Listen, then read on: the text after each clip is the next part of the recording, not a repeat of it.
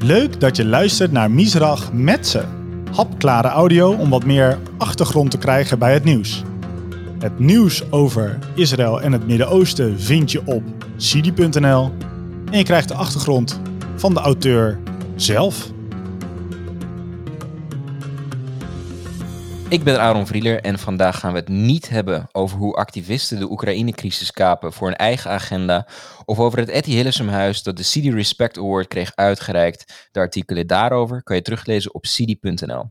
Maar het thema dat we vandaag gaan uitdiepen is wat de Israëlische media schrijft over Poetins oorlog in Oekraïne. En dat klinkt zo. לכם חג שמח, אוקראינה ורוסיה מדברות על הסכם הפסקת אש, אבל בשטח האש לא עוצרת, ואנחנו פותחים במה שקורה עכשיו במריופול. Dat was de opening van het Kan Nieuwsjournaal gisteren. Voor mij zit Jos Hummelen. Jij schreef hier deze week een artikel over. Ja, klopt. Ik vond het eh, belangrijk om eh, een ander perspectief eh, aan te nemen. Hè, vanuit Nederland. En als we kijken naar de crisis in de Oekraïne, dan hebben we een Nederlandse blik. En die is, eh, dat is je niet aan te rekenen. Dat is logisch en dat is goed. Dat is prima. En wat is nou die Nederlandse blik? Dat is een blik vanuit Nederland, vanuit de Europese Unie, vanaf, vanuit de NAVO. Ja, dat het hier de, de buitengrenzen zijn van, eh, van ons continent, van de Europese Unie, waar we lid van zijn. Eh, dat we een groot debat hadden over het associatieverdrag jaren geleden enzovoorts. Ja, dus zo kijk je ernaar. En wat is nou een eigenschap van een mens en niet een dier? Dat is dat je ook een perspectief van een ander kunt eh, innemen. In dit geval heb ik door de ogen van de media, de Israëlische media, geprobeerd. En voor mezelf is dat ook gewoon een hele goede oefening.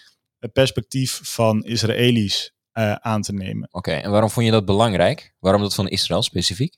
Nou, ik, ik las een, eh, een, een opinie over dat Israël alleen maar naar de eigen belangen kijkt Ja, in deze crisis. ja wie niet? Nou, eh, dat is een. eh, de vraag stellen is een beantwoorden, Aaron. Alleen, wat zijn nou de belangen van Israël? Dat, hebben, dat heeft niet iedereen zomaar even op een rijtje natuurlijk. En vanuit die belangen ga je opereren, ook op het internationaal vlak. Want je bent een gekozen leider. In het geval van Israël is dat nu eh, Naftali Bennett. En wat moet hij doen? Die moet natuurlijk in de eerste plaats ook zorgen voor de mensen die in Israël wonen. Ja, ja oké, die, zit, die zit in een lastig parket. Maar laten we eventjes terugspoelen. Want eh, volgens mij eh, wees je op het, eh, een van de columns van, van Roelands in het, in het NRC. Over dat Israël inderdaad vooral naar eigen belangen kijkt. En die had een beetje kritiek op de Israëlische positie. En jij hebt er daar vervolgens op gereageerd. Hè? Ze hebben ook jouw ingezonden brief gepubliceerd in het NRC. Ja, ja klopt. Vond ik Wat- wel heel sportief. Wat, wat zij zijn, wat vind jij? zij zei dat Israël naar de eigen belangen kijkt en heel terughoudend is met het veroordelen van, van, van Poetin. Ik zei dat dat ergens vandaan komt. Dat gebeurt in een geopolitieke context. En je kunt niet vanuit Nederland zeggen dat dat niet kan of moreel verwerpelijk is. Ja, en kan je een paar dingen van die geopolitieke context dan noemen? Wat zijn die dingen die eh, het Nederlandse publiek kennelijk wel eens mist over Israël? Ja, ik mocht eh, helaas een, eh, een brief schrijven en geen opinie. Dus daar had ik inderdaad geen ruimte voor. Bedankt dat je even naar vraagt, Aaron.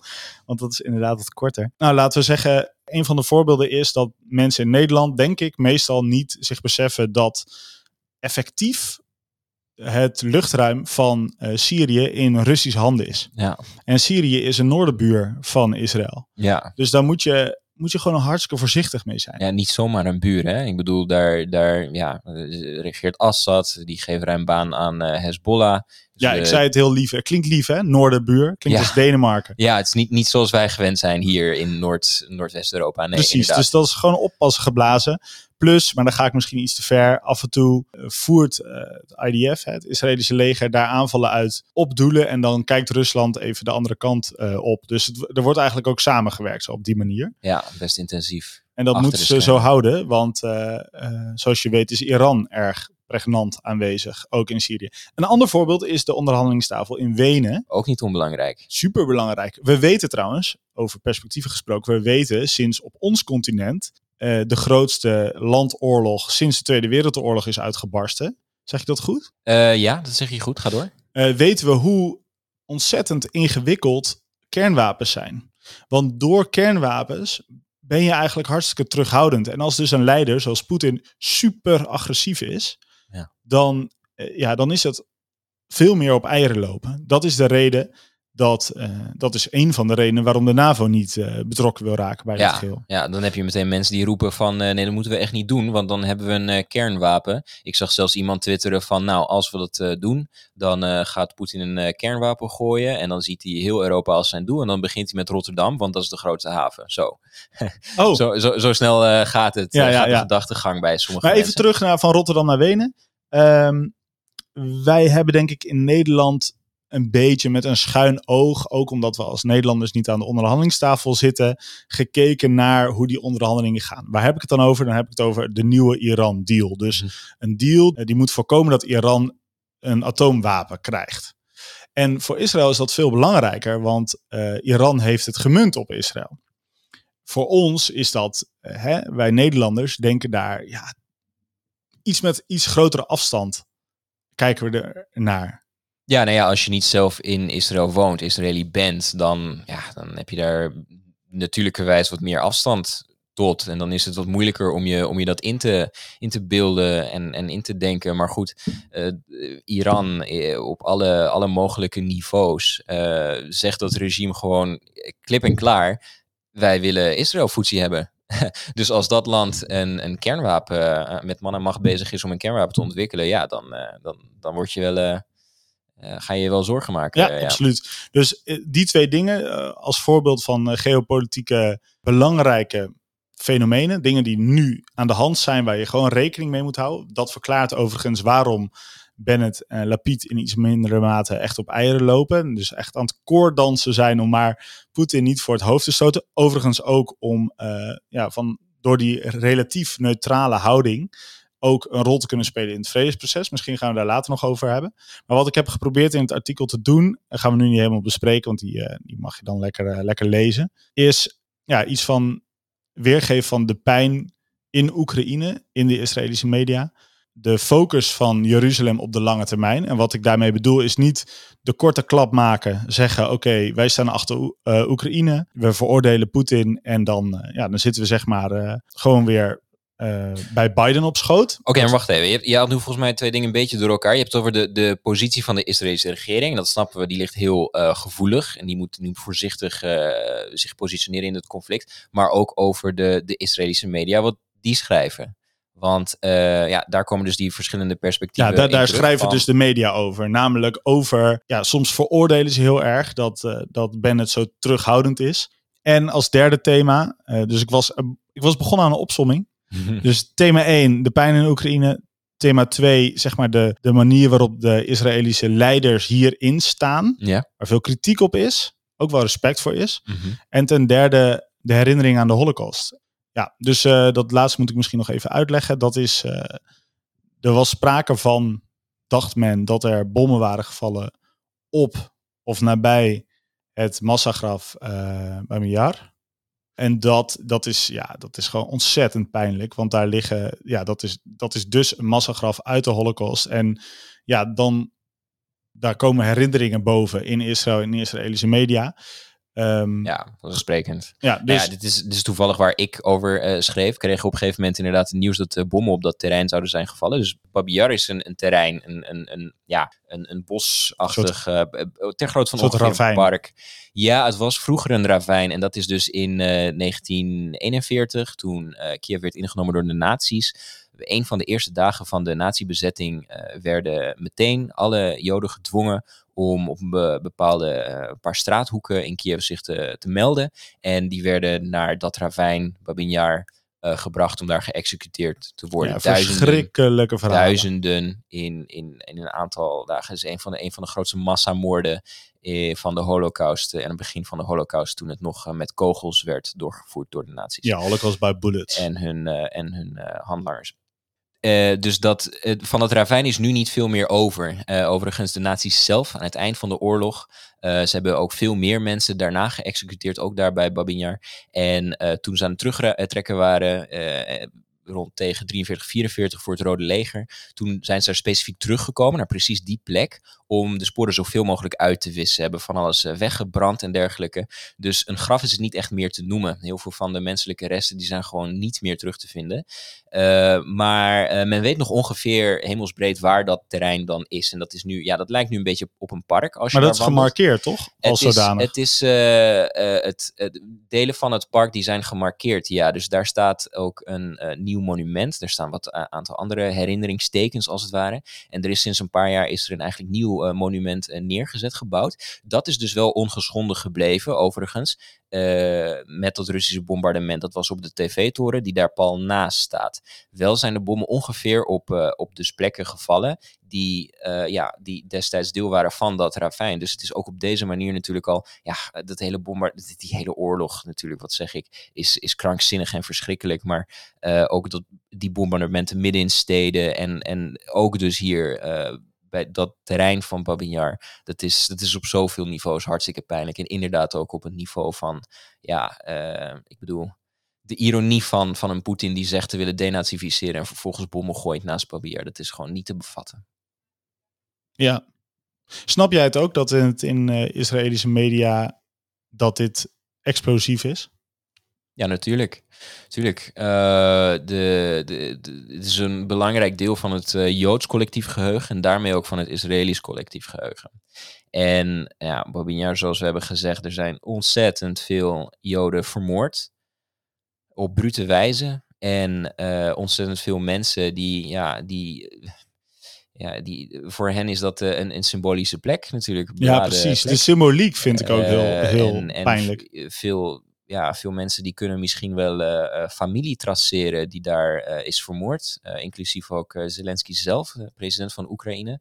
Schijnt dat ook familie van hen destijds daar is vermoord.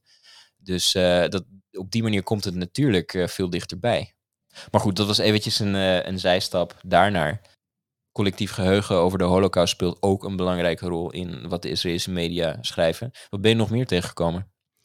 Um, ik heb er ook wel dingen uitgelaten. Uh, zoals de vluchtelingen, Joden en niet-Joden die naar Israël komen. Wat natuurlijk ook zorgt in een redelijk dichtbevolkt land als Israël voor allerlei uh, discussies. Ook soms wel pijnlijk hoor. Zoals? De aloude discussie wie is Jood, wie is niet Jood. En uh, ja, de Joodse staat is voor alle Joden wereldwijd. eh, Zou een thuishaven moeten zijn. Maar kan dat eigenlijk in, in de praktijk ook? Mm. Um, ook er wordt een uh, veldhospitaal, die is geloof ik al uh, helemaal ingericht met uh, iets van 100 fulltimers, Israëlische fulltimers in Moldavië. daar wordt veel over geschreven. En, wat ik ook wel interessant vind, ik grijp er even terug over waar we het net over hadden, dat Israël eigenlijk een relatief neutrale rol speelt. De sancties. Er zijn allerlei internationale sancties afgekondigd om te voorkomen dat, uh, dat Israël een soort uh, buut, dat je buutvrij kan halen als Russische oligarch op het Israëlische vasteland.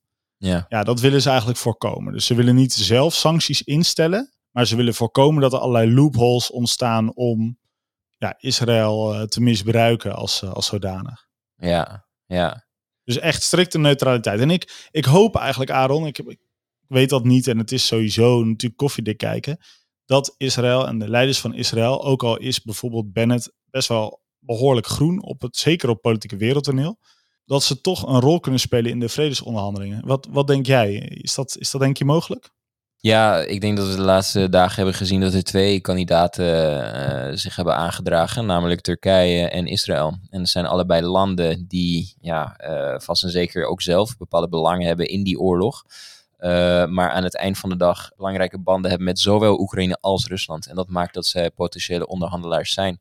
Maar het lijkt de laatste tijd dat, uh, dat Turkije toch als toneel zal worden gekozen voor de gesprekken. Voor, voor zover die uh, doorgaan en voor zover die iets kunnen opleveren natuurlijk. Turkije ongelooflijk interessant hè, want één na grootste NAVO-lid. Maar heeft dan wel weer Russische wapens ingekocht op grote schaal. Ja, heeft zelf ook belangrijke wapens, namelijk drones, verkocht aan Oekraïne. Ja. Dus die banden zijn er ook.